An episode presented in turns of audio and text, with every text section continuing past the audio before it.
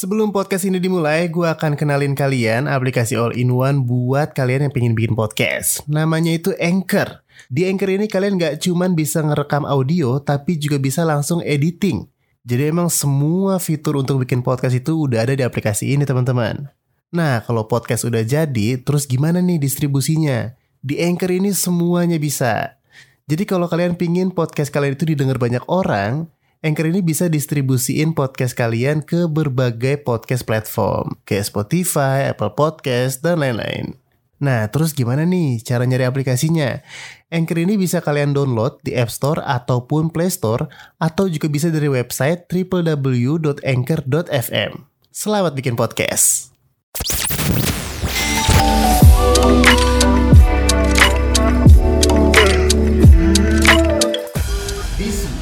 Beragam isu terupdate.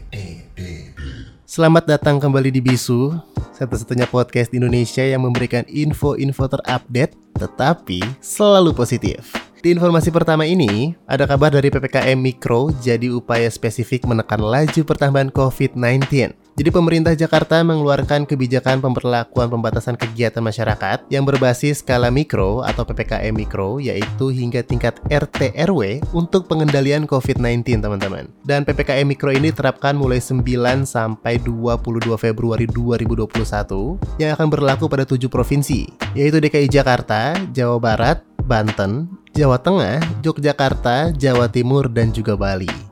Juru bicara pemerintah untuk penanganan COVID-19, Wiku Bakti Bawono Adisasmito, beliau ini bilang dari analisis PPKM Jilid 1 dan Jilid 2 telah ditetapkan di 98 kabupaten atau kota di Jawa Bali. Di pekan keempat mulai terlihat adanya penurunan penularan. Jadi pada akhir pekan ketiga pelaksanaan PPKM, angka kasus aktif adalah 16,24 persen. Lalu di akhir pekan keempat turun menjadi 15,23 persen. Jadi menurut beliau kalau diterapkan lebih mikro seperti sekarang maka akan lebih efektif teman-teman. Beliau juga menambahkan prinsip PPKM mikro sebenarnya adalah pembatasan bukan pelarangan. Jadi pembatasannya tersebut dibuat berskala dan nanti berjalannya waktu penanganannya semakin berskala kecil dan semakin tersasar. Dalam penerapannya PPKM Mikro membatasi kapasitas kegiatan kantor, rumah makan, tempat ibadah sampai 50%.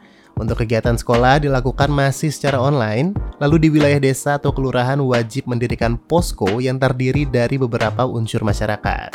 Jadi penerapan PPKM Mikro juga menerapkan kebijakan zonasi pengendalian wilayah hingga tingkat RT, di mana zona hijau ialah tidak ada kasus positif, zona kuning apabila ada 1 sampai 5 rumah yang terdapat kasus positif, lalu zona orange apabila ada 6 sampai 10 rumah yang terdapat kasus positif, dan zona merah bila lebih dari 10 rumah yang terdapat kasus positif. Sebelum lanjut, gue bakal kenalin aplikasi all-in-one buat kalian yang mau bikin podcast. Namanya itu Anchor.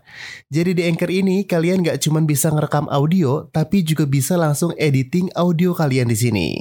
Nah, terus kalau podcastnya udah jadi, gimana nih distribusiinnya? Di Anchor semuanya itu bisa. Kalau kalian itu pengen podcastnya didengar sama banyak orang, Anchor ini bisa distribusiin podcast kalian ke berbagai podcast platform, kayak Spotify, Apple Podcast, SoundCloud, dan lain-lain. Cara punya aplikasinya juga gampang banget. Kalian tinggal download di App Store atau Play Store. Atau bisa juga dari website www.anchor.fm. Selamat bikin podcast! Selanjutnya dari Jakarta ada juga Pak Anies Baswedan yang memantau Kali Sunter dan warga Cipinang Melayu ini senang banget karena rumahnya nggak banjir lagi setelah 25 tahun teman-teman. Jadi 9 Februari kemarin ini, Pak Anies dengan rombongannya memantau kondisi air di Kali Sunter, RW 3 dan RW 4 Cipinang Melayu. Sampainya di lokasi, Pak Anies ini tampak berbincang dengan jajarannya. Ia membahas mengenai kondisi air, termasuk soal antisipasi agar air Kali Sunter tidak masuk ke permukiman warga. Dan aktivitas Pak Anies ini juga direkam dalam sebuah unggahan story di Instagram pribadinya yaitu @anisbaswedan.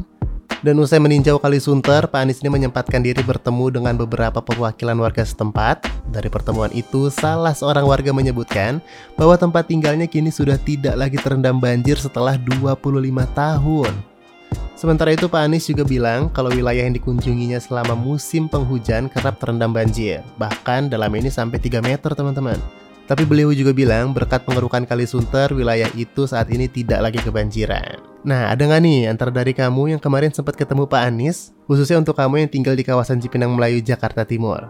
Seneng ya kalau punya pemerintah atau orang yang kita pilih itu bisa dekat dengan masyarakat. Dan informasi terakhir, Michelle Obama bakal rilis acara masak bareng dua boneka. Jadi Michelle Obama ini akan merilis acara masak bertajuk Waffles plus Mochi. Dalam acara itu, ia akan ditemani oleh dua boneka bernama Waffles dan juga Mochi. Nah, di acara itu sendiri, Michelle dan dua robot berperan sebagai pemilik supermarket. Jadi mereka akan menceritakan perjalanan dan kisah saat mencoba menjadi koki, teman-teman. Dan penampilan mereka juga akan dimeriahkan dengan kereta belanja ajaib yang bisa terbang.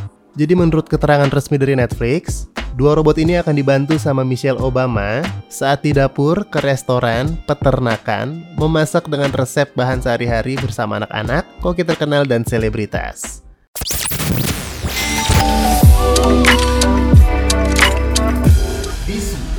Beragam isu terupdate.